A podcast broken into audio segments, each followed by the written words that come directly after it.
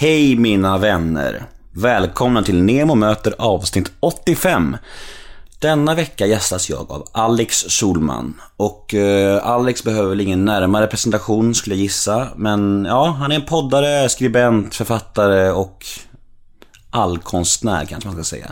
Gud han, han, han hade blivit glad om han hörde vad jag sa där. Men ja, vi, vi kallar honom allkonstnär gör vi. Eh, det blir ett intressant och ärligt samtal. Jag tycker verkligen att vi, att vi klickar då och jag tror att eh, ni kommer upp, kunna uppskatta det här verkligen. Så ja, hoppas ni gillar det här. Jag heter Nemo Hedén på Twitter och Instagram. Hashtaggen är NEMOMÖTER och in och gilla oss på Facebook, Nemo möter en vän. Men nog om mig. Dags för Nemo möter avsnitt 85. Gäst Alex Solman. Rulla jingeln.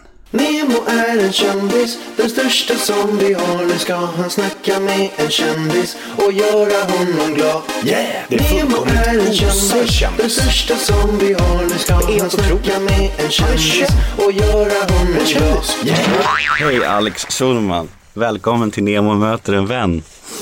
Välkommen ska jag också säga, för vi är faktiskt hemma på min hemmaplan.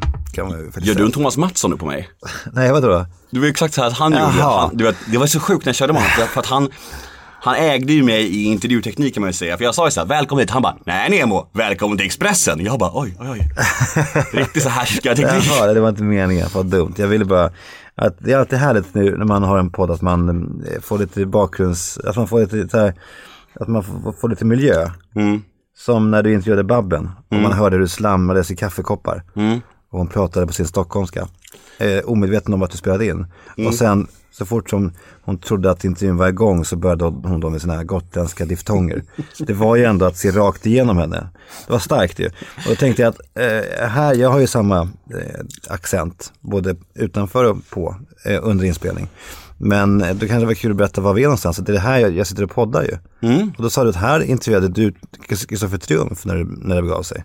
Det fattade jag inte. Det var ett annat rum, men det var ju på Perfect Day. Men det var ett rum där borta och då kom du faktiskt in under intervjun och hejade. Jaha. Du kanske är så, har så fullt upp så du minns inte sådana. Nej, jag kommer faktiskt inte ihåg det. Ja, Nej. märkligt. Eh, Välkommen, jag säger ja. Nemo. välkommen till Alex möter Nemo. Hur är läget? Lite trött? Förfärligt. Alltså förfärligt jobbig natt med en, en dotter som, vad fan ska man ens, Du får säga vad, du vill. men ska man ens beklaga sig? Men det är ju, hon har ju något fel. Alltså hon, Den yngsta. den yngste, hon har någon, någon, eh, något, någon typ av, eller hon kan inte kommunicera riktigt Nej. ännu. Så att hon är lite för gammal för att inte kunna det egentligen. Alltså hon försöker då. När hon vill säga mjölk, mjölk då säger hon catch. Och när hon säger napp säger de, patch. Alltså det, alla ord blir liksom lite förändrade. Och då blir det väldigt svårt att förstå henne. Så att när man vaknar då eh, och eh, eh mitt i natten med ett ärende. Då säger hon pappa och sen så säger hon någonting. Jag förstår inte vad hon säger. Och då blir hon rasande i sin frustration. Och då skriker hon så mycket att hon liksom aldrig kan somna om. Så att när detta då händer vid fyra, eller som nu i natt vid halv fyra, då vet jag att efter det här utbrottet nu så kommer hon inte somna om. Och då är jag liksom uppe med henne från halv fyra till, ja, fram till sju då jag väcker de andra, då jag, då jag väcker Charlie och Amanda. Och därför så är det då, det är inte, det är inte så kul då när man går och lägger sig klockan ett och vaknar halv fyra. Då är man ju helt färdig, man är helt slut. Man hatar livet och allting. och där är jag idag då. Jag har tänkt på det där mycket eftersom jag inte har några barn själv och när jag hör barn gapskrika på tunnelbanorna då kan jag känna sån jävla hat alltså. Alltså du vet mot dem. Men jag tänker att egna barn, blir det enklare eller kan man, kan man hata sina egna barn? Nej, eller jo, man kan ju... Vänta här, jag ska bara tänka efter om det finns någon stund då man... Alltså det, den här... Nej men, det, alltså det, det ska man ju ärligt säga, att man, alltså man i grund och botten älskar man ju barnen, hej och hå. Ja, Men, men det är klart att, att det finns ju små, små stunder när man blir, blir rasande på sina barn. Alltså när, ja men, till, till, till exempel i, i den stunden när man inte, förs- när, man- när liksom man inte når fram till sitt barn. Eller när, ja, men när man inte får sova eller när man för fjärde natten i rad inte får den här, den här sömnen som man, som man behöver. Då kan man ju bli verkligen galen. Men eh, jag tror det är väldigt svårt att hata sina barn. Och också att hata andra barn är nästan omöjligt när man själv har fått barn. Alltså det är väldigt sällan när jag är på ett flyg och hör ett barn skrika som jag känner hat. Jag, jag känner bara medlidande för jag vet hur det är för föräldrarna. Men innan du fick barn så kunde du känna det? Det kunde jag säkert göra, verkligen. Men vet, när man, när man har varit här så det är svårt att, man kan inte känna så mycket hat längre. Jag fattar. Eh, vi kör igång och eh, jag tänker lite här med, med transparens och sånt här. Vad, alltså, hur, har du någon gräns på transparensen nu för tiden och vad, vad går den liksom? Svar, kommer, du svara, kommer du svara på allt jag frågar? Nej, alltså nej, men jag vet inte vad du kommer fråga. Jag vill ju vara transparent, Nemo. Och Jag vill verkligen det, för att jag tycker att det är så härligt. Men, men samtidigt så, eh, så har jag, har jag ju saker som jag inte berättar om helt enkelt. Alltså jag, oj, det finns ju saker med mina barn som jag inte vill dela med mig av. Och det finns saker med min fru, alltså det som är närmaste nära. Men då kan jag nog ändå vara underhållande. Så jag tror inte så många kommer märka av det. Om du inte, om du liksom inte väldigt gärna vill veta så tror jag inte att det är så många som skulle märka det. Utan när vi är färdiga tror jag ändå att folk kommer säga så här, men det var en härlig, transparent intervju. För att Du- jag är ju ändå ganska, jag tycker ju om att vara personlig och, och eh, privat och sådär.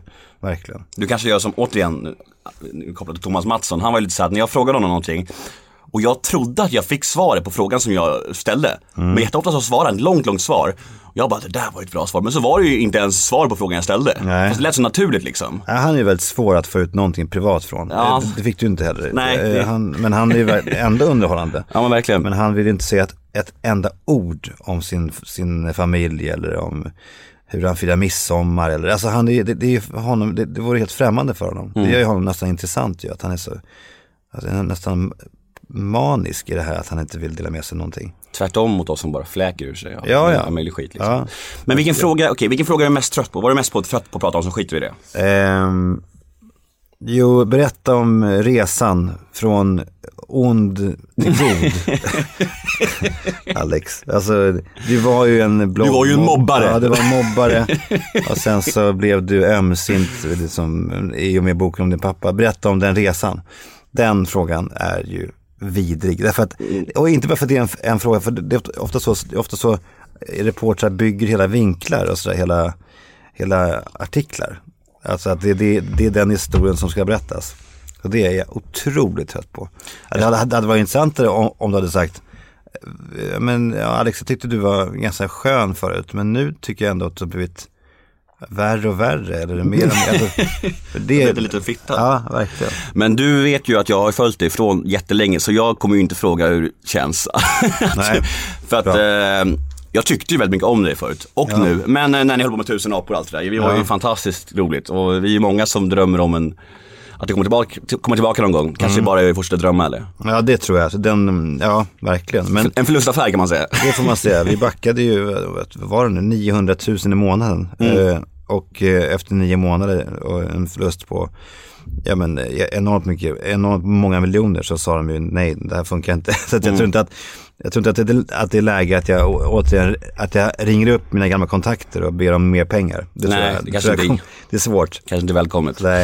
Eh, Men vi kör lite frågor från lyssnarna, lite frågor som jag har Ja. personligen och lite som jag ställer till alla Jag liksom. vill bara säga att det är kul att jag får med här, för jag har ändå lyssnat på, alltså jag ska ärligt säga att när du första gången ville att jag skulle vara med, då visste jag inte vad det var för podd, då hade jag aldrig hört den. Det är först de senaste veckorna, senaste må, två månaderna kanske, som jag börjat lyssna eh, i kapp på din podcast. Och jag har nu hört eh, väldigt många avsnitt och du är väldigt duktig, det är roligt. Vad glad jag Jag blir. bara ge, ge lite beröm till dig som, ja, det verkar som att du har hittat rätt här. Mm, vad, vad, gud, jag blir jätteglad, jag blir lite generad. Men jag blev så nyfiken på när du messade mig och sa att du hade lyssnat just på Babben. Blev jag så här, varför? Jag tänkte så här, Alex kan ju inte ha lyssnat på många avsnitt. Varför lyssnar han just på Babben? Jag jag blev så förvånad. Men Babben är ju en sån person som man ju, alltså, eller så här är det, jag ska, om jag ska vara helt ärlig. Alltså det finns ju människor i ens liv som man liksom eh, har ett agg till i det, i, i liksom det fördolda. Som man, eh, som man bara, man, man har sparat de, de, de, de här människorna. Alltså Ulrika Kärnborg, DNs recensent, som skrev om Skynda att älska för tio år sedan, att den påminner om en veckotidningsnovell.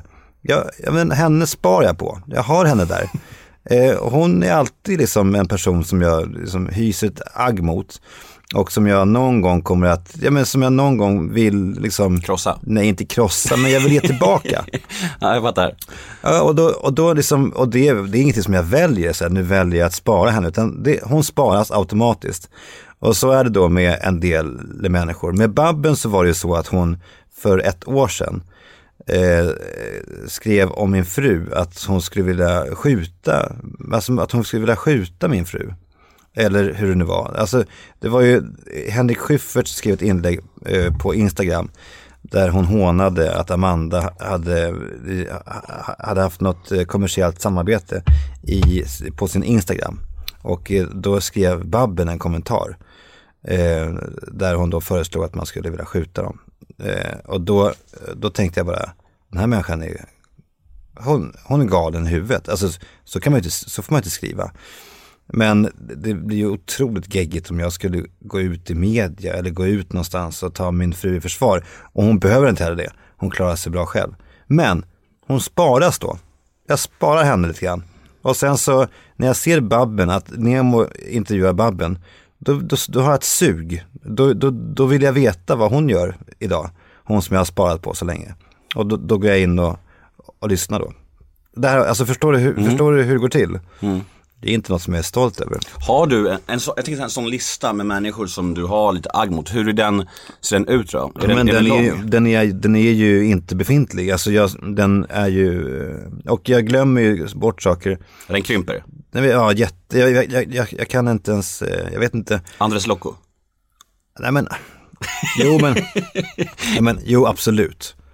Anders Locko är ju för mig en, en ohederlig jävel. Alltså det måste jag ändå säga det. Därför att han, eh, nej men därför att han, bakgrunden är ju att jag då i tio års tid har sk- skojat med honom. Eh, och eh, så blev han då utsedd att recensera min första scenföreställning. Och eh, nej men då, då, då, då, då, ja, men då gav han den, han sa att det var ett haveri i Aftonbladet. Och eh, Älskar mig. ja, att, att, att den var för, förfärligt dålig. Ett haveri, han, han använde det ordet då. Samtidigt då som alla andra tidningar gav ju den väldigt, väldigt fina betyg. Och då, så, då tänkte jag bara att det här var ju ohederligt av honom. Alltså han borde ju ha då skrivit i en fotnot. Förresten så är, är jag sedan tio år tillbaka i en konflikt med Alex Schulman. Eh, För då, för då hade man ju ändå kunnat se texten med den bakgrunden. Så att när jag fick höra att han skulle recensera, då, då sa jag till Aftonbladet att det är ju inte bra för någon. För, för att han är ju, vi, vi är ju i en konflikt. Här kan du se texter som han har skrivit om mig. Här kan du se texter som jag har skrivit om honom. Alltså vi är ju fiender. Då är det väl inget bra om, om, om min fiende skriver en recension av min föreställning. Det var också viktigare då för mig, för det var, min första, det var, liksom min, det var första gången som jag stod på en scen. Jag var ju jätterädd och det var läskigt och sådär. Och då ringde Aftonbladet upp honom och sa, hur är det här nu? Har, är ni i konflikt? Nej, nej, nej, nej, jag kommer kunna vara, stå utanför den och sådär. Och sen så skrev han då ändå att, att, att, att den här föreställningen var ett, var ett haveri. Och det, men det var så mörkt så att det var, jag var ju helt eh, liksom, satt ur spel den dagen då den texten kom ut. Och det, den ohederligheten glömmer jag inte. Jag kommer, Det- ihåg, jag kommer ihåg, eh, jag såg den här föreställningen i, i Göteborg. Ja. Du bjöd mig på den. Ja, Fint. tack. Ja. Nej men verkligen, och jag har aldrig eh, alltså, känt igen mig så mycket i någonting nå- som jag, när jag gick från den här föreställningen. Jag tyckte den var, jag tycker den var bättre än den du gjorde med Sigge. På riktigt alltså. För jag så- såg ju båda på plats och Ja ja. Första var fantastisk, så vi tycker, säger att Andres Lokko har fel, säger vi. Slutsatsen i alla fall. Ja men nu i efterhand när, när, när den ju fick så mycket, eh, så, så mycket erkännande, för då, då var det ju omöjligt för mig att ens opponera mig. Det hade ju varit en bitter person som bara blir, blir ledsen för att en recension, alltså det var ju omöjligt för mig att, att ens svara på det. Men, det, men nu kan jag ändå lite i efterhand då liksom ändå se att det är ju, det var ju en, en, en föreställning som blev väl mottagen av alla utom just av Anders Locko. Och för det tyckte jag var, ett, men det är ett tydligt tecken på att det kan ju vara så att han, i och för sig att han på riktigt tyckte att den var dålig, ett haveri, men jag tror inte det. Min gissning är att han helt enkelt utnyttjade tillfället att få ge igen. Och det, och det, var, det var inte schysst liksom. Vad är din uppfattning av mig? Och det är en jävligt eh, narcissistisk fråga, men jag frågar alla den som kommer. Eh, vi har ju nästan haft lite kontakt tidigare, som sagt. Och jag har varit på dig om att komma hit, men jag har fått för mig att du kanske inte gillar mig så mycket tidigare. jag vet inte varifrån det kommer. Jag, jag läste också det att du skrev det någonstans. Jag är inte, alltså jag är inte mot dig. Jag, vi har ju, alltså jag har ju, du har ett speciellt förhållande, jag har ett speciellt förhållande till dig. I det att du var ju med i um, Kungen av Tylösand som den här skandalsåpan som Mm. min brorsa eh, producerade, eller regisserade. Ja, han producerar va? producerade. Mm. Och det var ju, den betyder ju väldigt mycket både för honom och för dig tror jag. Mm. Alltså för honom var det ju hans första liksom, stora produktion.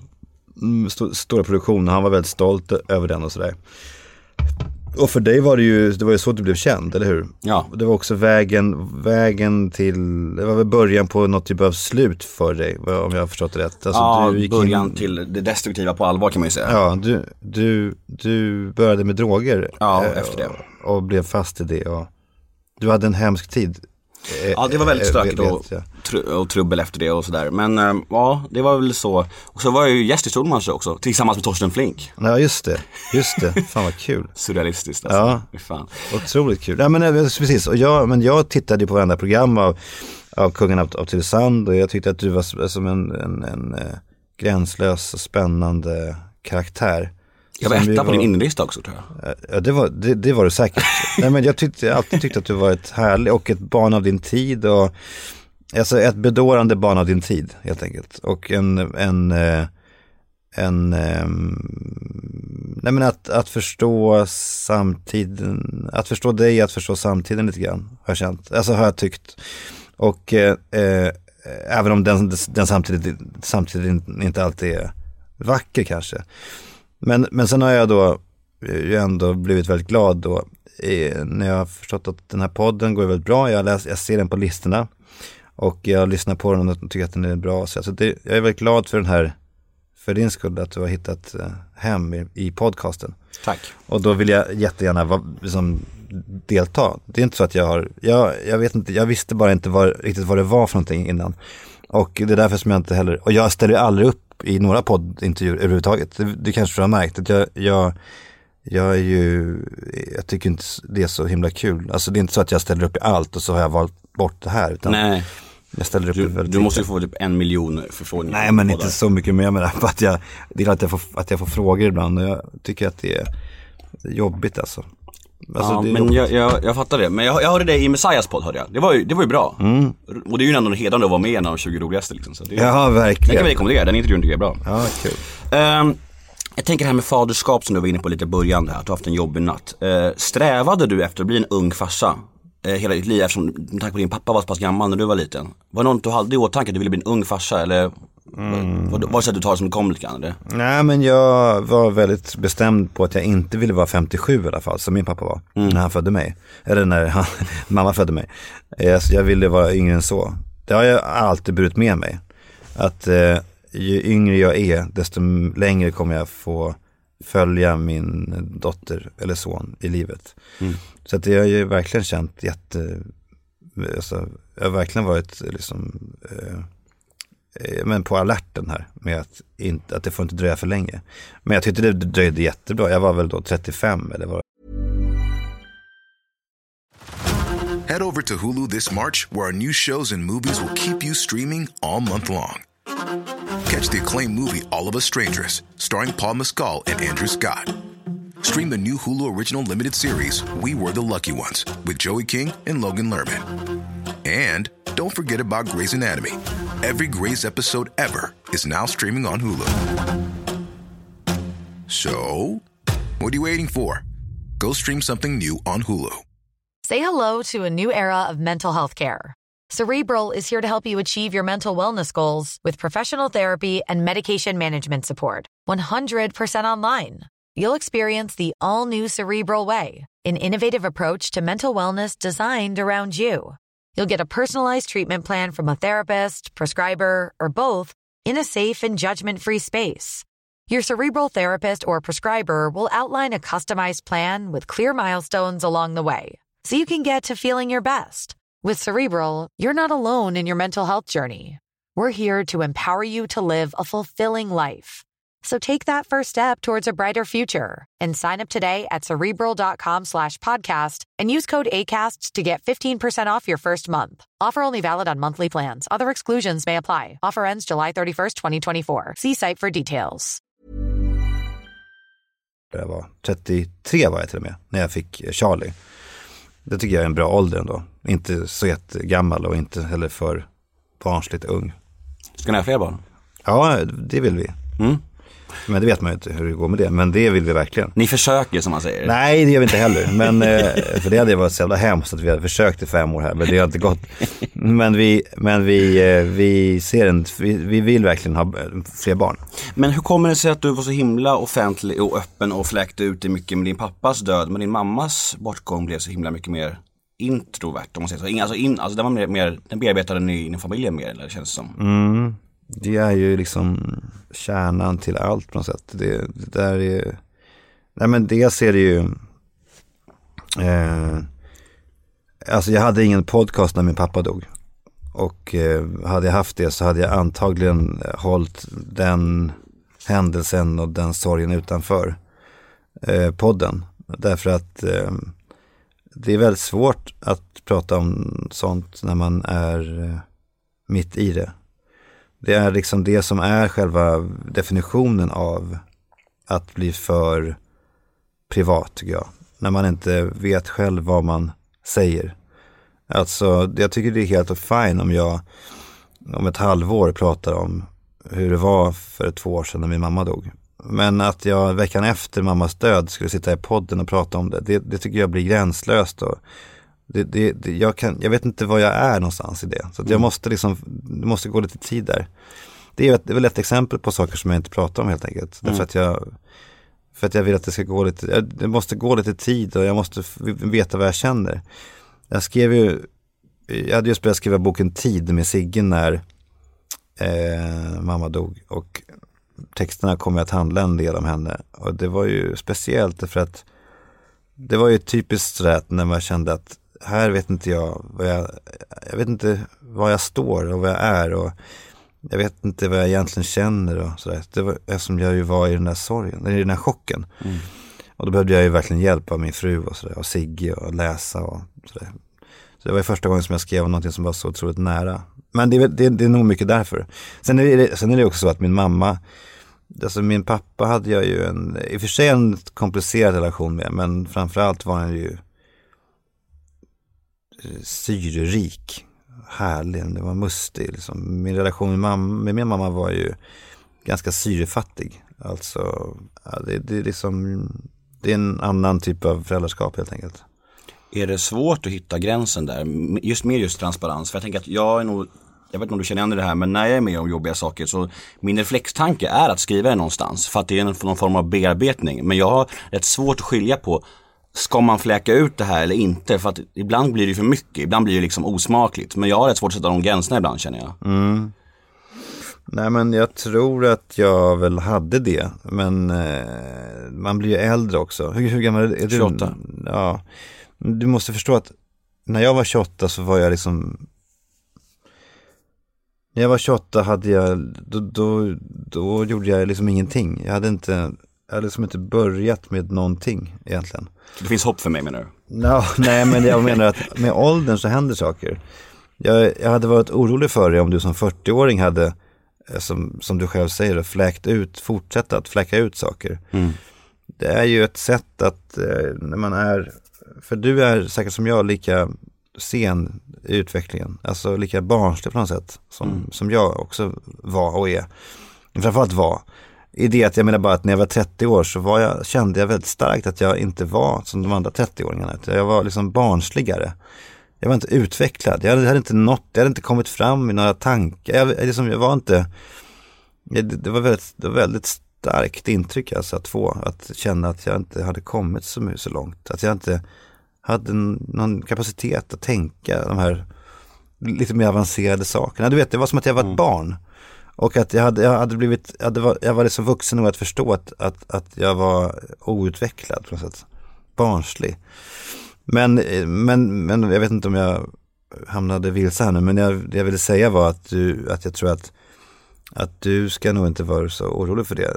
det du gör. Därför att, därför att, att, att fläcka ut är som sagt ett sätt att, att eh, bearbeta. Alltså, jag skulle inte säga, använda det ordet, det låter så hemskt. Men, Mm, men när det gäller saker som man eh, har varit med om som är svåra så är det ju oslagbart att skriva om det. Därför att eh, eh om du är i en sorgeprocess är ju det som, det är inbyggt i det att du vill ju fly från den. Du vill skjuta bort den och tänka på annat. Du vill åka till Gröna Lund istället. Men när du tvingar dig själv att skriva om det, mm, när du aktivt liksom för bläcket mot pennan eller sådär skriver med datorn, då, då, då kan du inte fly från det. Det går inte. Du måste in, i det där. Och det är ju det, det bästa sättet att liksom, ta sig igenom en svår händelse. Det är ju att skriva sig i, i handen. Sen, vet, sen vet inte jag om det, om det ska eller bör publiceras. Men jag menar bara att skrivandet i sig är nog jävligt, eh, jävligt viktigt. Alltså har varit, för mig i alla fall, jätteviktigt. Precis, jag, jag fattar det där menar och just det här skrivandet är ju säkert hälften av det men det skeva i, i, i kråksången är ju att jag, lika mycket så vill man ju att någon- folk ska skriva, åh vilken bra text, åh vad du är äkta, åh vad du är ärlig, vad, du, vad du är vågad som skriver här. Det är också så viktigt och det, och det då tror jag att jag, är, att jag återkopplar till gamla Alex väldigt mycket, var, hur du var förut. Ja men också en ny Alex, alltså, eller liksom den som jag är idag. Tyvärr.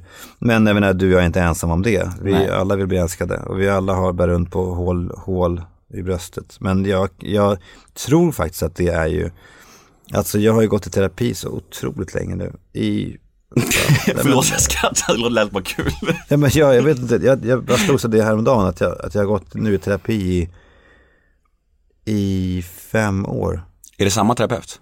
Nej, det är två olika. När jag, när jag var färdig med den första så pekade han mig till den andra. Men det är ju ändå, det är otroligt mycket tid som jag har lagt där. Och, eh, eh, Och pengar. och pengar ja. Ja. Och då, och då, så, men jag tror nog att det sista, Är det givande? eh, ja, det är ju fan, det är ju väldigt givande. För att jag förstår ju saker om mig själv och sådär, som jag inte hade en aning om förut.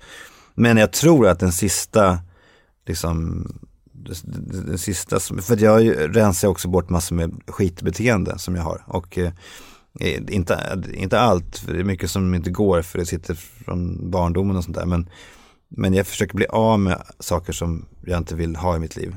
Och eh, det sista svåra är, är väl att, att jag någon gång vill sluta, som du kallar det, fläcka ut mig själv. Därför att eh, jag tror att det är en del av en, eh, av en eh, sjukdom. Alltså, nu låter sjukdom starkt, men jag tror att det är en del av min problematiska barndom. Eh, och eh, eh, jag, jag, jag tror att så länge som jag fortsätter att liksom skriva om mig själv på det här sättet som jag gör, så är det, så är det ett tecken på att jag inte mår helt bra och att jag inte har rest mig helt och hållet från den här barndomen.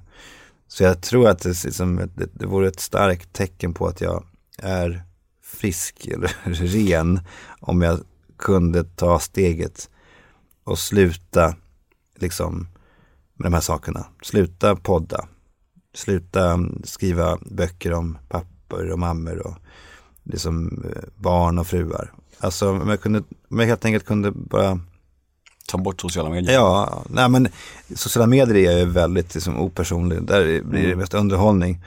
Men de stora sakerna som jag gör, podden är jag ju väldigt stolt över. Och böckerna också, de är ju de är, de är helt baserade på saker som händer i mitt liv. Och eh, ja, men verkligen privata händelser. Och det tror jag är, jag vet inte, det är, jag måste kanske bli av med det. Vad, det lider. Och kanske du också. Det är ju så stark del av ens person det där. Jag kommer ihåg en, en incident med min storebror som är helt tvärtom. Han är extremt introvert och privat och så här. Vi är verkligen natt och dag. Och då och sa han på reflex här, om det här kommer väl du skriva på Instagram om det, eller det här kommer väl du podda om. Som att han liksom såhär, det här är väl som du är ungefär. Så här, suck, och suckade lite. Och jag blev så här, jag blev så här, jag blev väldigt ledsen och tänkte så här, fan är det så han ser på mig? Att jag bara, att han inte kan säga saker till mig utan att liksom jag bara fläker ut det. Och Det är liksom så här, jag bara, är det så illa liksom? Det är väldigt starkt och jobbigt. Ja, men det, men det minns jag också. Nu var det och för sig ett, ett, ett tag sedan, men jag, så att, men jag minns ju hur det var när jag träffade Amanda.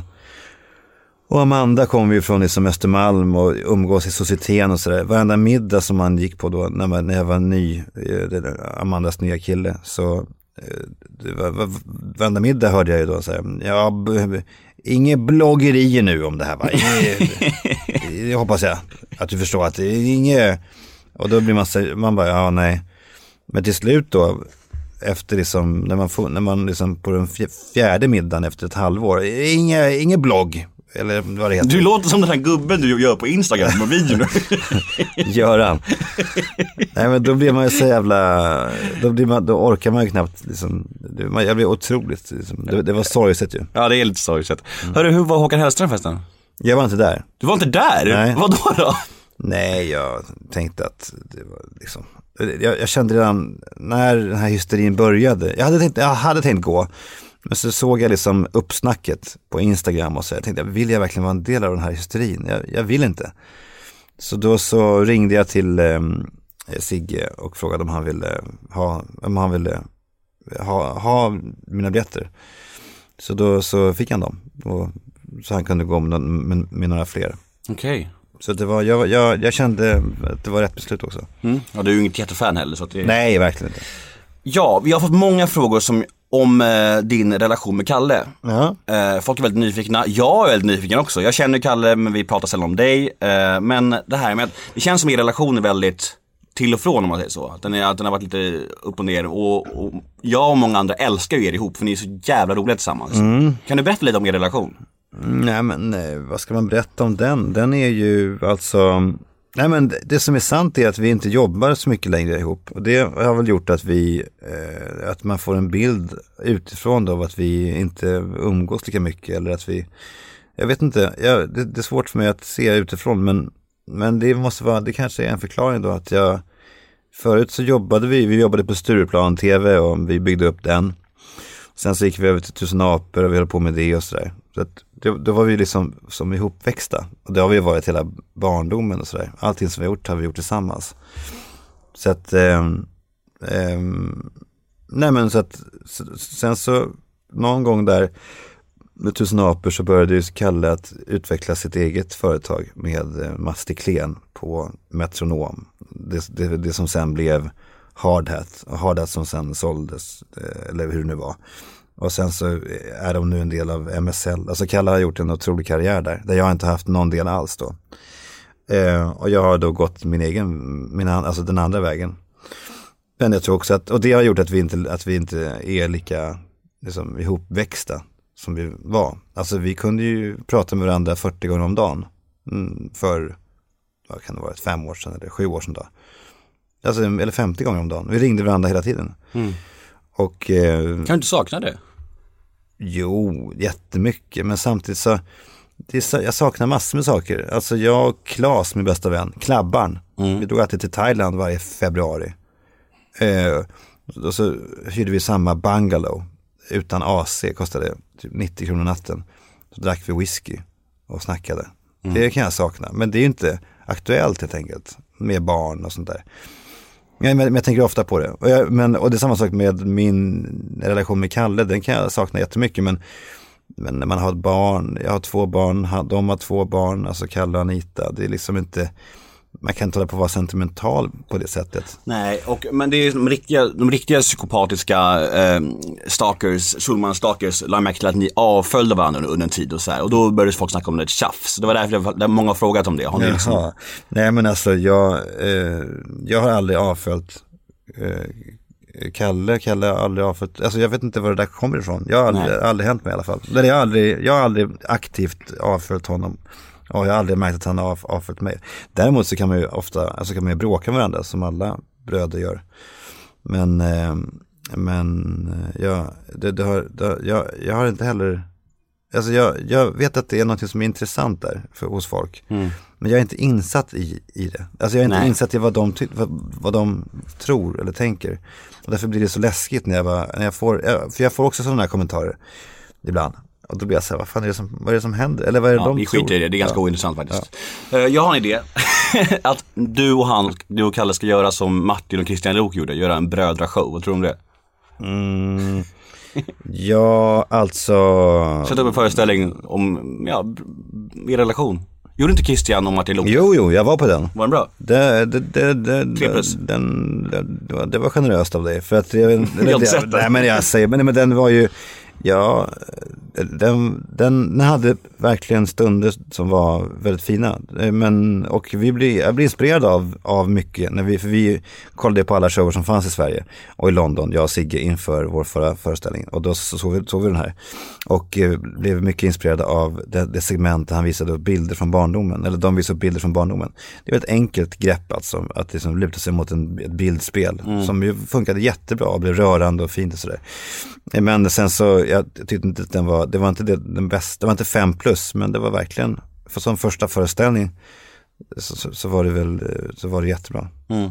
Inget du skulle vilja göra med Kalle med andra ord. Nej men nu känns det också som att den är liksom lite taget det där. Ja, det är sant. Men, eh, men att stå på scen med Kalle, det vore ju fantastiskt. Kalle har ju det som, det som jag saknar. Han har ju liksom funny bones.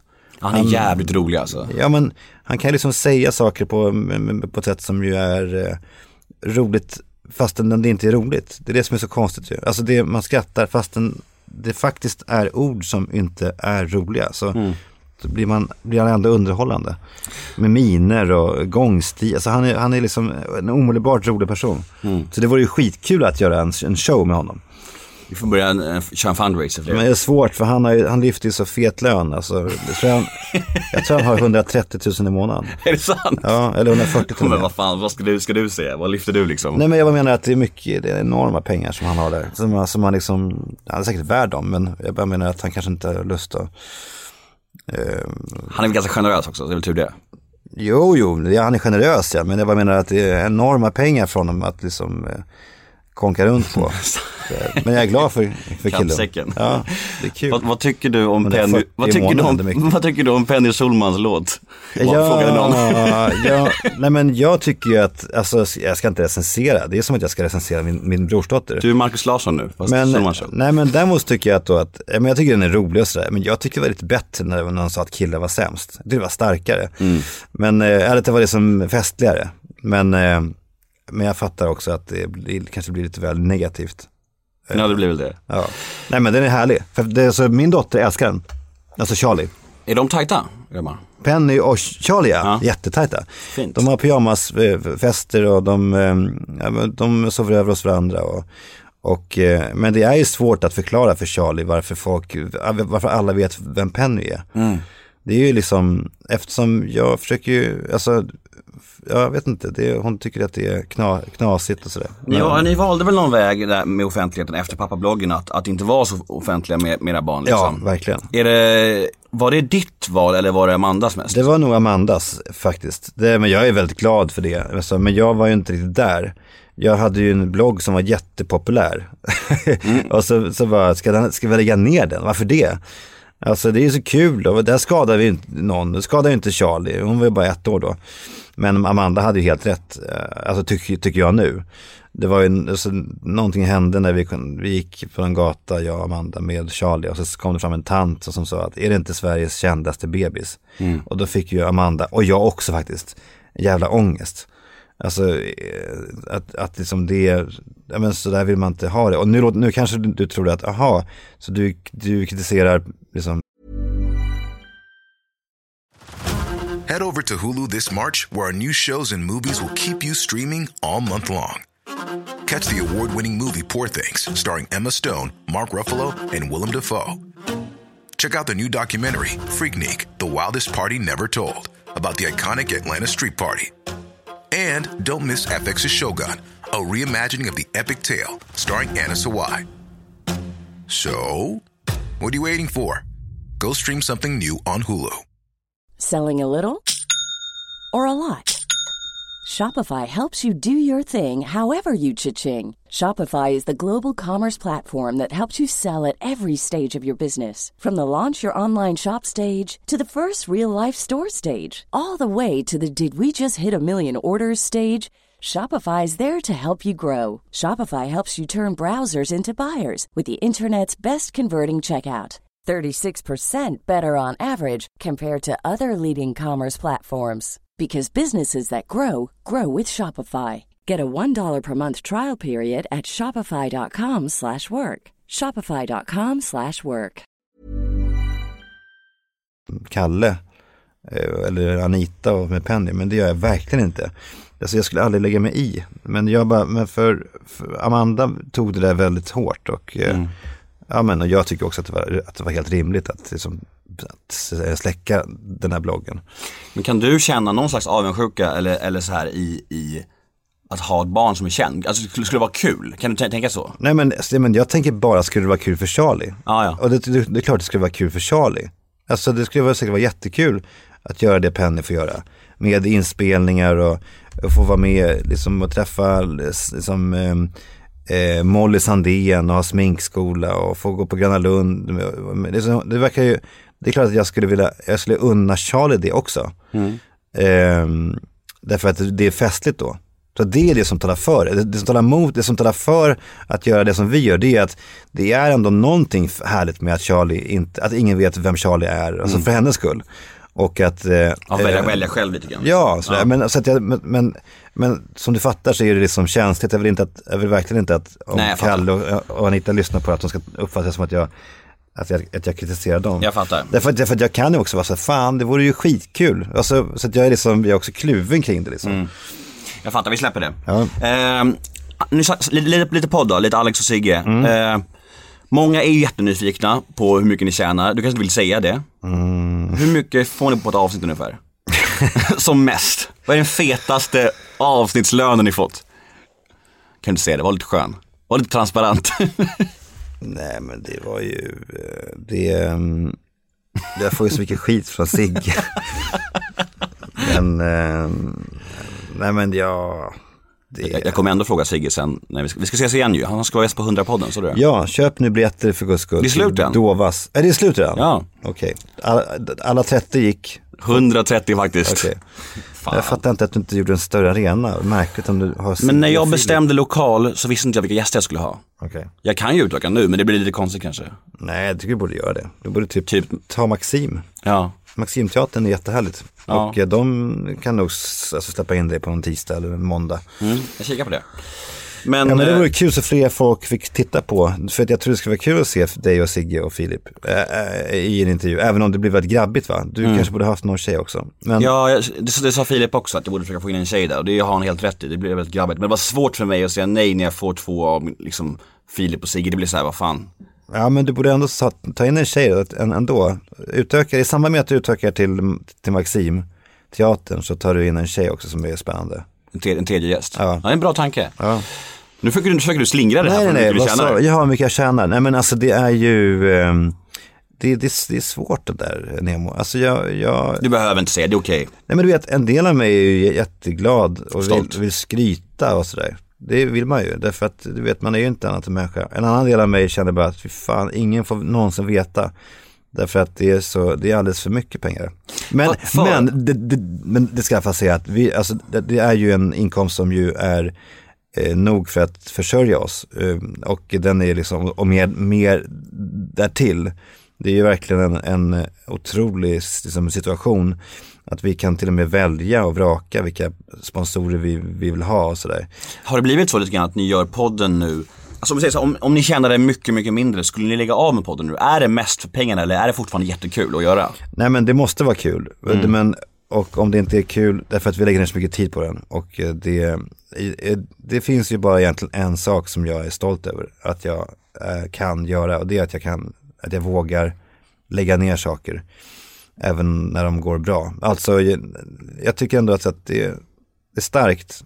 Därför att, eh, alltså nu känns det som att jag skryter men jag, jag är väldigt glad att jag har den egenskapen att så fort som någonting börjar ru- ruttna då, då släcker jag det på en gång.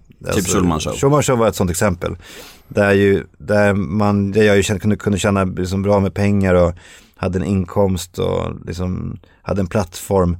Men efter sju säsonger så kändes det som att det var liksom, jag kan inte ta det längre nu.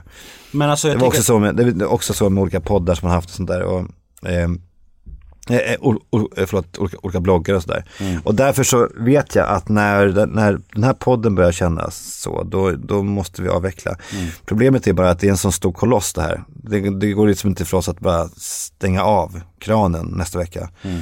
Därför att det är liksom eh, fem, fyra, fem sponsorer inblandade per vecka. Man bokar liksom halvårsvis eller helårsvis. Så det gäller att, det gäller att liksom planera f- som, med framöver. Det gör också att jag vet att vi kommer inte lägga ner podden, åtminstone inte på ett år.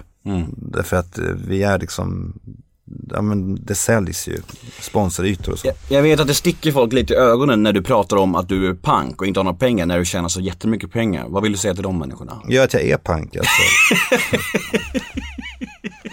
Nej men jag är det. Det kan du inte vara, hur kan du vara pank? Nej men jag, jag, kan- jag, jag, kan förklara. Hur dyra vanor har ni? Nej men extremt dyra. Nej, men jag, kan, jag kan verkligen förklara. Förklara. Jag träffade Sara Goldensson eh, som jobbar på MTG och hon är gift med Patrik Grimlund som är Lyxfällan. Eh, Lyxfällan, eh, ja men han är med i Lyxfällan. Mm.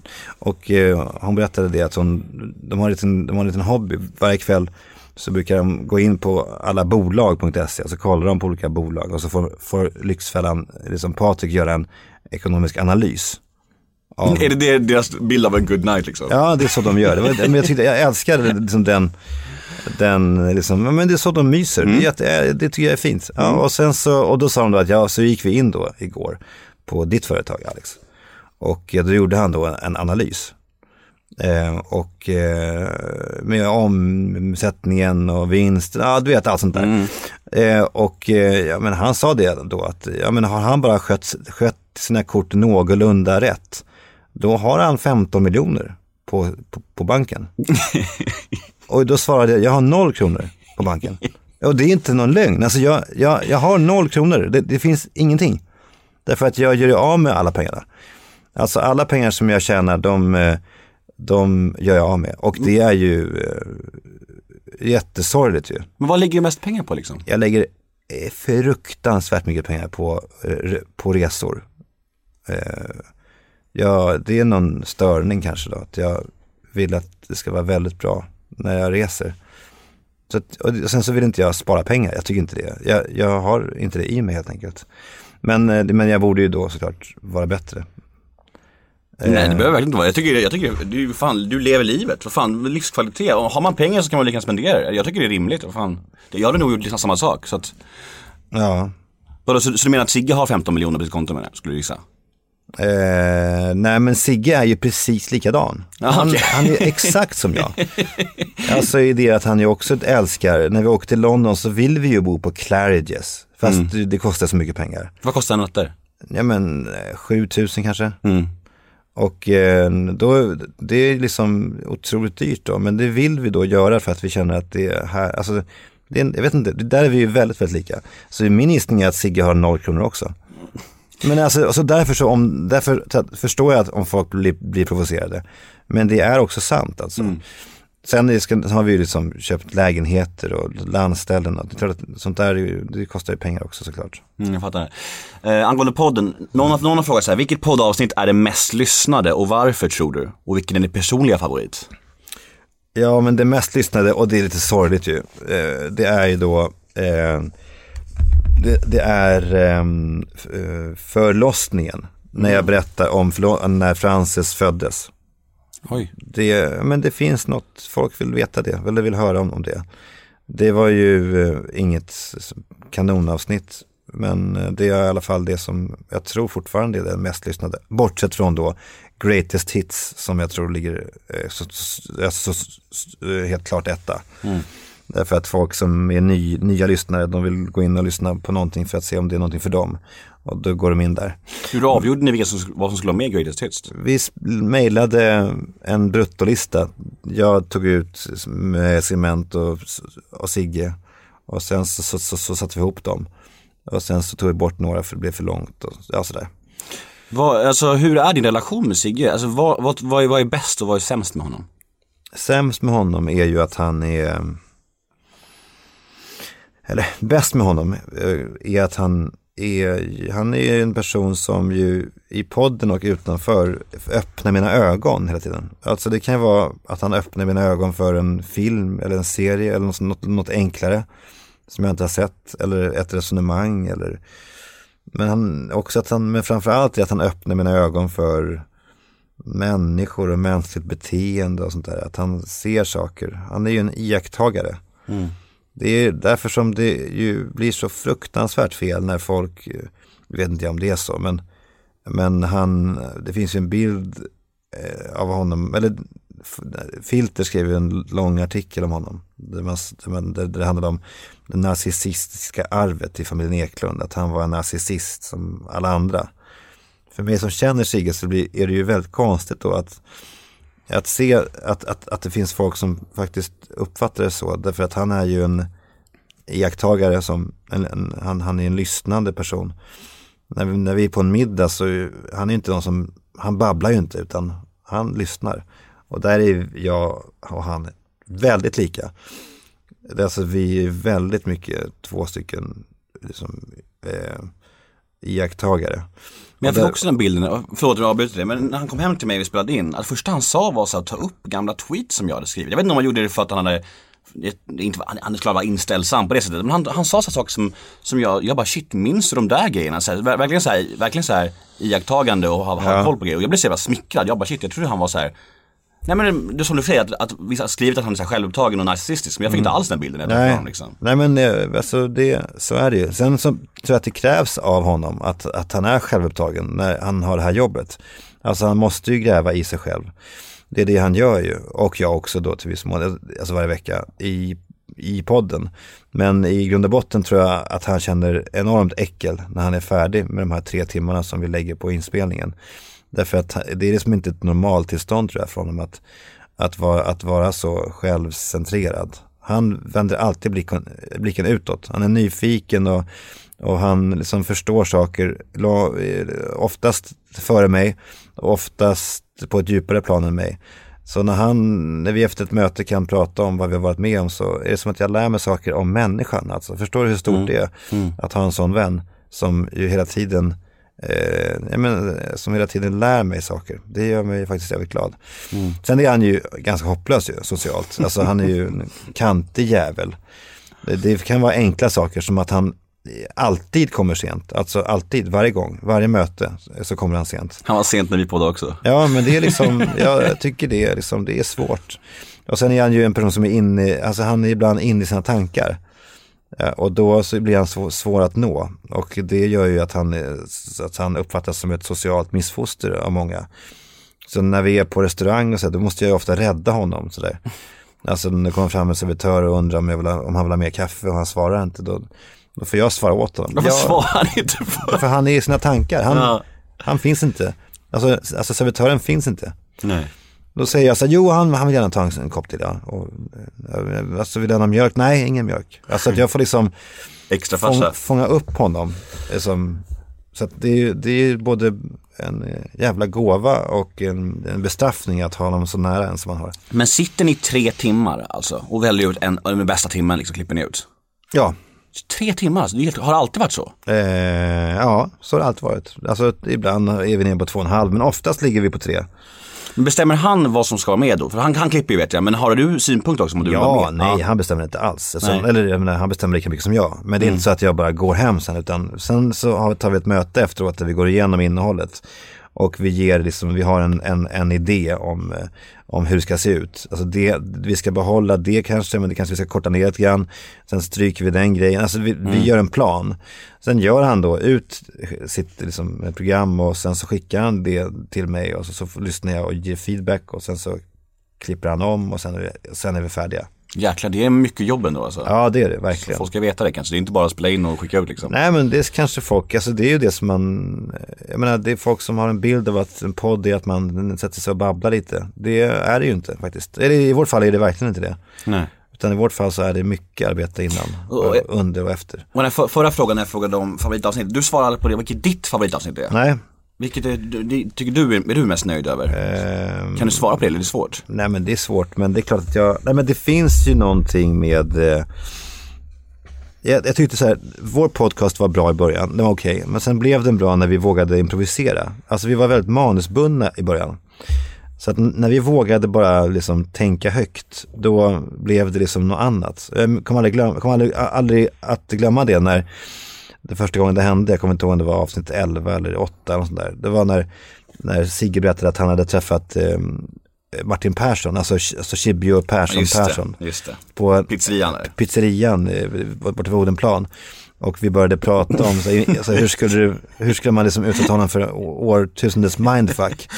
Ja, då skulle man då låtsas som att man var etiopisk militär och att man var då tillbaka för att hämta honom. Då skulle man då väsa bakom hans rygg, we're back for you. Och då skulle han då bli väldigt rädd då. Och det här kunde vi måla upp då eh, med stöveltramp och, och skenavrättningar och sådär. Bara på, genom att improvisera. Och det var eh, fantastiskt då att efteråt så förstå att eh, vi behöver inte alltid ha manus. Utan vi, vi kan också lita på att vi kan komma fram till roliga grejer utan att, alltså, utan att ha det nedskrivet på papper. Det var ju faktiskt stort ju. Sjukt sjuk kul avsnitt. Ja. Eh, jo, flera har frågat och jag är också nyfiken på det. Du behöver inte svara på det om du tycker det är jobbigt men jag måste fråga det här ändå. Mm. Tjafset mellan Kalle och Filip, vad anser du om det? Och har, har du någon slags tanke om det alls ens? Ja men det, eh, Det måste vara svårt när du är så nära med Fredrik tänker jag. Ja, men alltså ja, jag är kluven där. Alltså jag tycker ju att, det, men jag är ju, Kalle är min bror så att jag menar, om någon höll en kniv mot min strupe och sa välj sida, då väljer jag alltid Kalles sida. Fint. Eh, du har ju en ganska hård humor ibland, du har alltid haft en hård humor, vilket är väldigt kul. Eh, men det kombinerat, att ha en hård humor kombinerat med att vara ganska lättkränkt, som du varit tidigare i alla fall. Alltså hur går det ihop? Hur, hur hittar den balansen? Tycker du att det är svårt eller? Ehm, ja men alltså lättkränkt, ehm, Alltså, jag vet inte om du gör det fortfarande. Men, nej men eh, jag vet inte om jag, alltså, ja men, nej men, eh, jag vet inte om jag någonsin har varit det. Det är ju, det är ju, eh, det tillhör ju jobbet, eller tillhörde väl jobbet att eh, när jag hade den här bloggen som var som häcklande och sådär. Då tillhörde det ju jobbet att, att, att absolut inte, eller att kunna ta, ta skit från andra. Eh, sen så, det betyder inte att jag var oberörd. Alltså på ett sätt så var jag ju verkligen det. Eh, berörd alltså. Men eh, det var ju väldigt viktigt att inte visa det. För det hade varit precis, precis som du sa, en paradox. Att vara så hård som jag var och samtidigt in, inte kunna ta kritik. Det var ju viktigt att, att, att visa att, eh, att jag kunde ta det. Men, eh, men eh, så att jag vet inte om det var, alltså jag kan inte, jag kommer, det här var så länge sedan också. Jag är ju, jag är ju inte, jag är ju inte längre konfrontativ på det sättet. Alltså, och jag är heller inte ansatt av så mycket hat, eh, utom då på Twitter och sådär, eller på mail efter, efter en krönika om Zlatan eller så. Men det var absolut inte någonting som kränker mig. Utan eh, det, är en del av jobbet. Att vara, att vara krönikör och inte få några mothugg, då, då är man ju ingen bra krönikör helt enkelt. Alltså det är det som är krönikörens uppgift ju, är att pol- polar, polarisera. Att få folk som, som tycker att ja, men han har rätt eller han har fel eller få folk att tänka till och sådär. Och då, det, in, det innebär ju då att man får massor med skit. Och det, det, det kränker mig inte det minsta. Det där, och jag vet inte när jag blev kränkt. Alltså jag, jag, det är ett svårt ord det där. Därför att jag förstår vad du menar. Jag använder ju det ofta. Alltså jag bygger ju någon typ av persona kring det. Att jag blir lättkränkt och att jag, att jag kan prata om det. det vill säga, jag förstår ju frågan. Men jag undrar ju Selling a little or a lot? Shopify helps you do your thing however you cha-ching. Shopify is the global commerce platform that helps you sell at every stage of your business. From the launch your online shop stage to the first real life store stage, all the way to the did we just hit a million orders stage.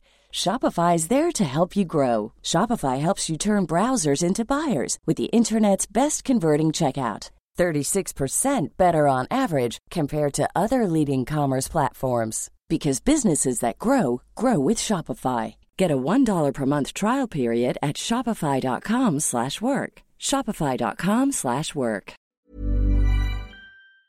såklart, eh, dels så kanske det var mer så i början på podden, eh, alltså för, det är alltså fyra år sedan nu. Då kunde jag ofta prata om att jag var lätt, lättkränkt och det kanske jag var också då.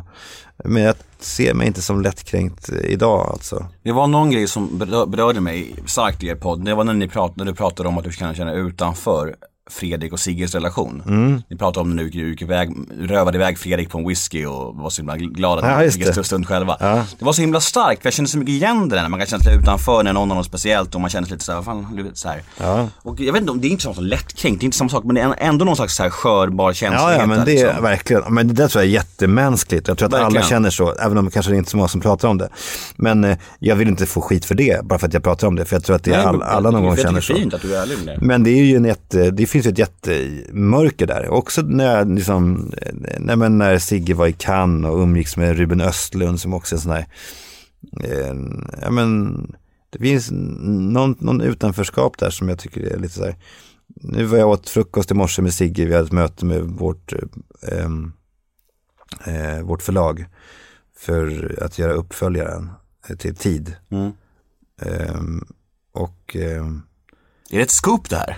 Ja, nej, jag bara tänkte på det, att vi kanske inte fick, fick, säga det, men men det, men det kan vi säga. Mm. Eh, och eh, du kan gissa vad den ska heta? Tid två. Nej, lite smartare. eh, eh, dåtid. Nej jag vet inte, framtid. Eh, fan, jag vet inte. Eh, det ska heta rum. Ja men vad fan, hur ska jag kunna gissa det? Det, men det borde du kunna gissa. Tid, Tid, och rum. Ah, okej, ah, ja. Eh, mm. Men, eh, ehm, eh, det är exakt. Nej, men och då så berättade då, då, då, då Sigge, nej, fan, jag var på middag igår med, jag bara, var du, men, då? Ja, med Johan Renck. Ja, då blir jag så här, Då kom det igen. Ja men lite, inte så att jag är, ja, men jag blir ändå så här, ja men, eller då blir jag först eh, provocerad. Och då, och då, och då liksom, för att jag menar, och då säger jag så här, men vad fan, eh, varför äter du middag med honom? Eh, Jävla svår jävel va, Kn- knasig. Nej, han är underbar, säger Sigge. Du skulle älska honom. Ja men vad Och- fan, och- bjud med mig då. Ja, det, det är min nästa reaktion. Så här, ja, men om du känner så, varför, varför bjöd du inte med mig då i så fall? Ja, och sen så gick de vidare till Sturehovs utställning. Där satt Filip Hammar och Jenny Hammar.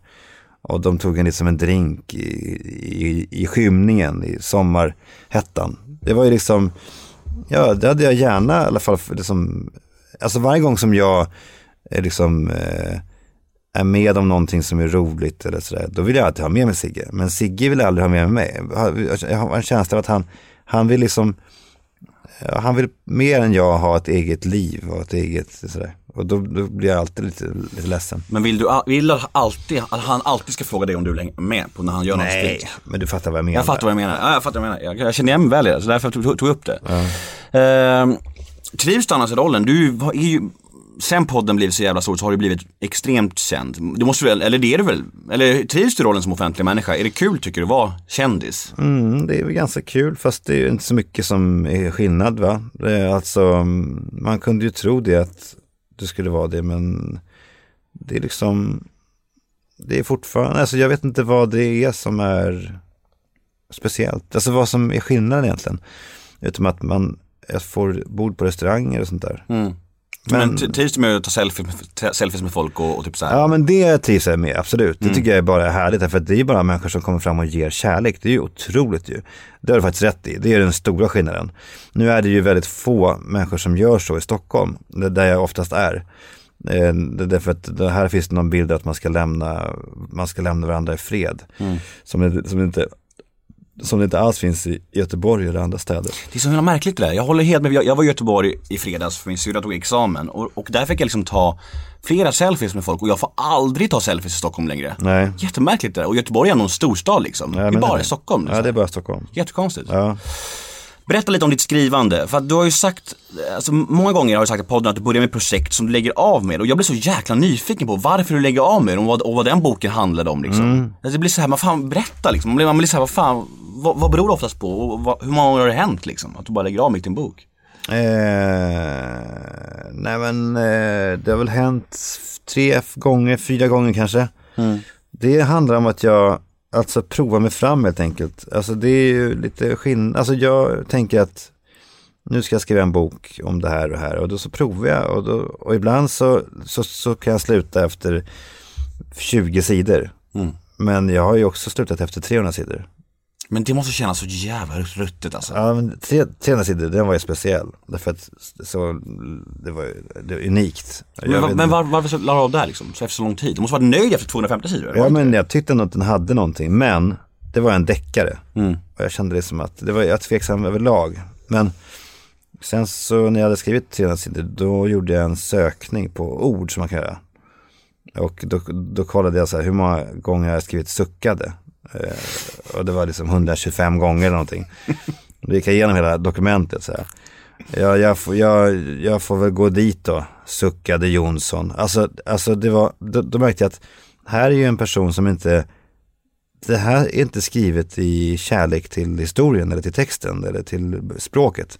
Det här är någon som vill vidare framåt i, i, i en historia som är konstruerad.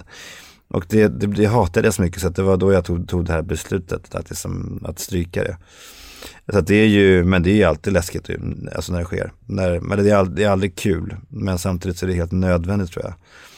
Du har inte funderat på typ så att skriva klart den ändå någon gång? Nej, den är borta, alltså bort, den är raderad för att jag vill aldrig ens få, få, liksom, få tanken, få, få chans, alltså få, jag vill aldrig få, ja. Men, men eh, ja. Eh, så eh, rum kommer sen, men du har väl något eget på G också nu? Men Skriver mycket själv? jag ja nu, skriver jag en, nu skriver jag faktiskt en bok som Ja. är min egen, som, är, eh, som kommer ut i, i, höst. Och den är klar? Ja, nej men jag håller på med att slutföra den. Jag har hållit på med den nu ett tag. Och den handlar ju då om, ja men det- det, då skriver jag om mamma och om, eh, ja det är liksom som en, en eh, fortsättning kan man säga. Andra sidan, Skynda att älska kan man väl säga. Jag har bara läst tre böcker, alltså, förutom skollitteratur. För jag, har, jag har ADHD och jag har rätt svårt att läsa böcker. Eh, jag har läst tre böcker i mitt liv. Skynda att älska, Att vara med henne och Ondskan. De tre har jag läst. Det var bra. Ja, blir du hedrad nu? Ja, verkligen. Det är också ett bra sällskap för Ondskan är ju otroligt bra. Ja, verkligen. Stark jävla bok alltså. Så är det verkligen. Jag har ett segment som heter ett ord om. Ja. Visste du det? Mm, ja, det har jag hört, men jag kommer inte riktigt ihåg nu vad det var. Man, eh, Jag eh, nämner fem offentliga människor i Sverige. Ja. Jag har alltid se- fam- samma fem stycken och du ska säga första ordet som kommer i ditt huvud när jag, när jag säger det namnet. Så det behöver inte vara adjektiv eller så? Du får säga vilket ord som helst. Bara ett ord om varje människa. Alex Solman. Eh, ska jag, men, ska jag? Jag har dig med i varje avsnitt på det här segmentet så du vet. Så det är därför att jag, Ja, men jag, jag, jag tänkte så här, ska jag byta ut Alex när jag träffar Alex? Men, alla, men folk bara, nej men ta han, ha, ha med honom ändå, det är ju roligt. Jaha, och vad säger folk då om mig? Några sa eh, smart, någon sa sårbar, någon sa nog lättkränkt tror jag. Jag tror Bettner sa lättkränkt tror jag. Idiot. eh, nej men då säger jag, nej men då säger jag, fan det första, men, eh, ja, men det, jag säger snäll då, jag är snäll. Egentligen. Marcus Birro, Han är så mycket, men han är, han är skör, Sara Larsson, cool, Jimmy Åkesson, farlig, Leif GW Persson. narcissist. Mm, bra. Veckans brev. Hej Alex. Vilka tre kändisar skulle du aldrig hälsa på på stan? Nej men det finns inga riktigt, så jag måste bara tänka efter. Det är någon som jag är så, som jag är så upprörd på. Att jag inte skulle hälsa. Andres Locco. Nej, faktiskt inte. Nej, men det var någonting med eh, det som hände där med Amanda som fick så mycket skit från andra kända kvinnor för att hon skrev en ett Instagram-inlägg. Vilka var det förutom Babben? Det var Eva Röse också. Ehm, Var inte Karin Adelsköld också? jo, det var det säkert. Det var ett gäng. Mm. Någon som sa att, han, att Amanda var en hora och sånt där. det är sant. Ja, men det där gänget, Eva Röse och Babben, de, de liksom, de var så otroligt hårda alltså. För att, mest för att plisa Schyffert på något sätt. Det var, Mm. det var liksom, det var otroligt eh, obehagligt. Och jag har liksom inte kunnat, eh, eh, liksom, ja men jag, jag, jag vill inte lägga mig, jag, har Nej, inte velat, jag har inte velat, velat lägga mig i det. Men, du men så är det ändå att om jag träffade just Eva Röse och Babben på stan, då skulle jag nog inte kasta mig på dem ändå Nej. och, och krama dem. Det är rimligt. Du har ju varit väldigt ångestriden, eller du är ångestriden om man ska, om man ska lita på podden i alla fall. Eh, vad får du mest ångest av idag? Liksom? Vad, vad, gör, vad gör allra ondast i livet? Och det vore jättefett om du kunde svara någonting som inte rör dina barn liksom. För det, blir, det är en klassisk svar, folk frågar svar när mina barn är ledsna liksom. Jaha, nej nej nej. Det är, mina Nej, barn, det är inte det. nej men de har ju, de har det bra. Det är ju framförallt när jag tänker på döden alltså. Det är ju Mm. någonting med, med eh, och det, det, så, där finns ju också barnen med. Alltså Charlie kan ju muntert eh, informera mig om att hon har kommit på nu att hon kommer att leva längre än jag.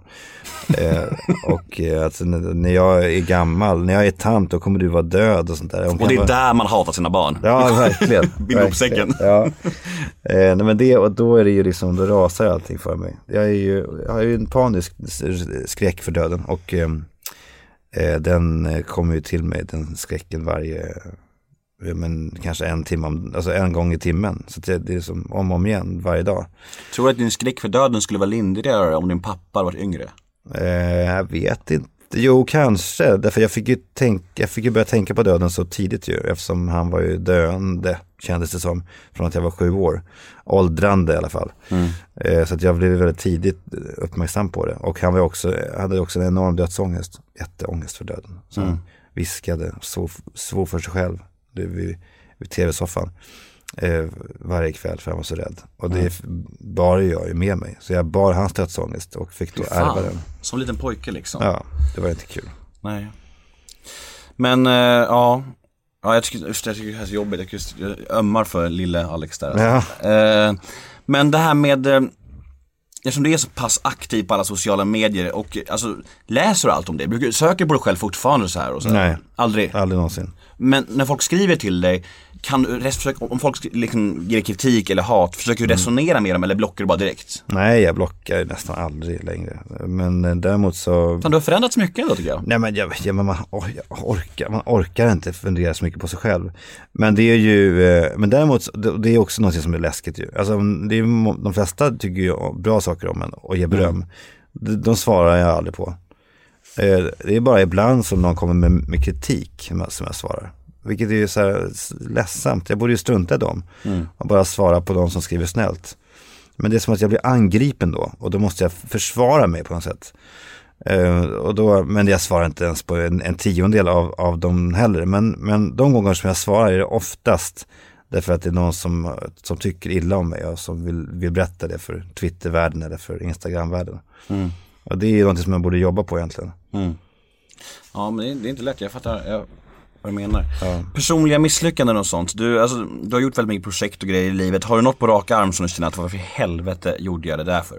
Alltså du har säkert några stycken, men vilket kommer first on, your mind liksom? Nej men det första kom ju, är ju varför började jag på Se och Hör när jag var 20 år. Det var ju eh, förståeligt då kanske men nu i efterhand så var det ju någonting som förde, förde in mig på en sån här kändisbana, kändis liksom, refererande bana som jag knappt idag har blivit av med.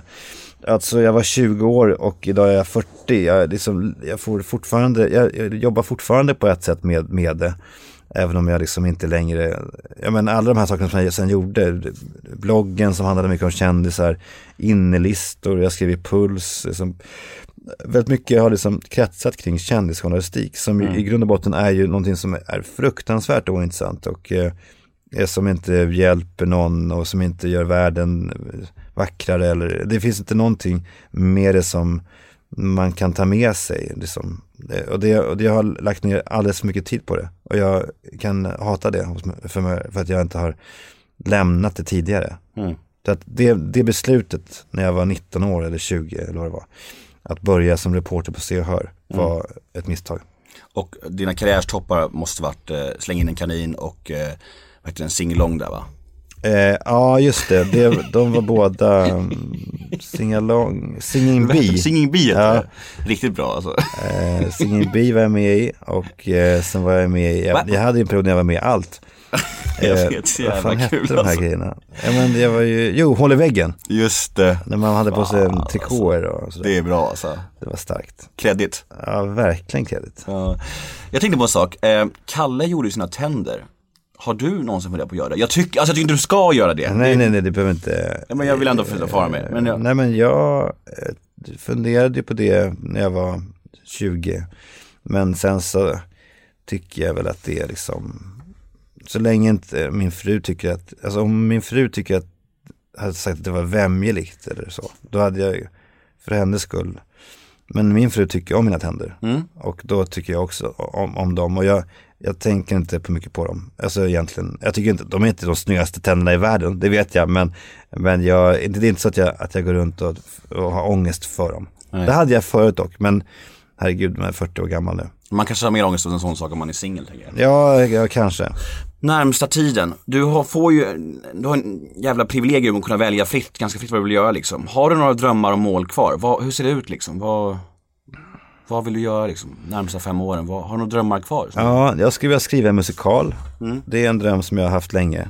Eh, alltså skriva texten till till en musikal. Det, jag skrev ju en låt, eh, jag skrev texten till en låt som Ulrik Munter sjöng. En sån här eh, Killing-tryck. Och det var väldigt kul. Så det är ju, jag tror att jag skulle kunna skriva roliga, bra textlåtar över, överlag.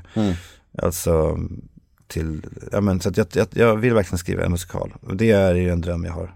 Men kommer vi få se dig göra något som är likt det här i tv? När du ska, alltså du vet, jag och många andra tycker att du är som jävla roligast när ni är, ja dels med Kalle, men när det är lite, lite lite naturligt och sketchigt alltså. Jag tycker att sketcherna var roliga, de var lite långa, men det har ni fått höra hundra gånger. Eh, Men de var ju, hade sina, topparna var ju extremt bra liksom. Men kommer man få se dig göra mer liksom så roliga grejer, bitska saker i tv liksom? Tror inte det. Nej. Det känns som att den tiden är förbi. För jag är inte så road av det och ehm, Nej, jag... skit, i dina fans då, gör det. ja, just det. Nej men jag vet inte fan, jag, det, är som, det känns som att det där är, nej. Jag tror jag skulle vilja göra mer saker som har lite, lite högre konstnärlig höjd. fattar. och jag vill fortfarande vara bred och för att folk ska, alltså folkligt och sådär. Men, men jag, jag skulle älska mycket mer att typ eh, skriva en monolog till Sven Wollter på, Mm. på, på, på liksom någon scen. Eller att göra, att göra saker som, ja, som, som har någon typ av, som, som, som betyder mer eller sådär. Kanske en, en, en podd med Babben kanske. Det vore skitkul. Jag, Babben och Eva, Röse pratar, så kallar varandra hora i två timmar.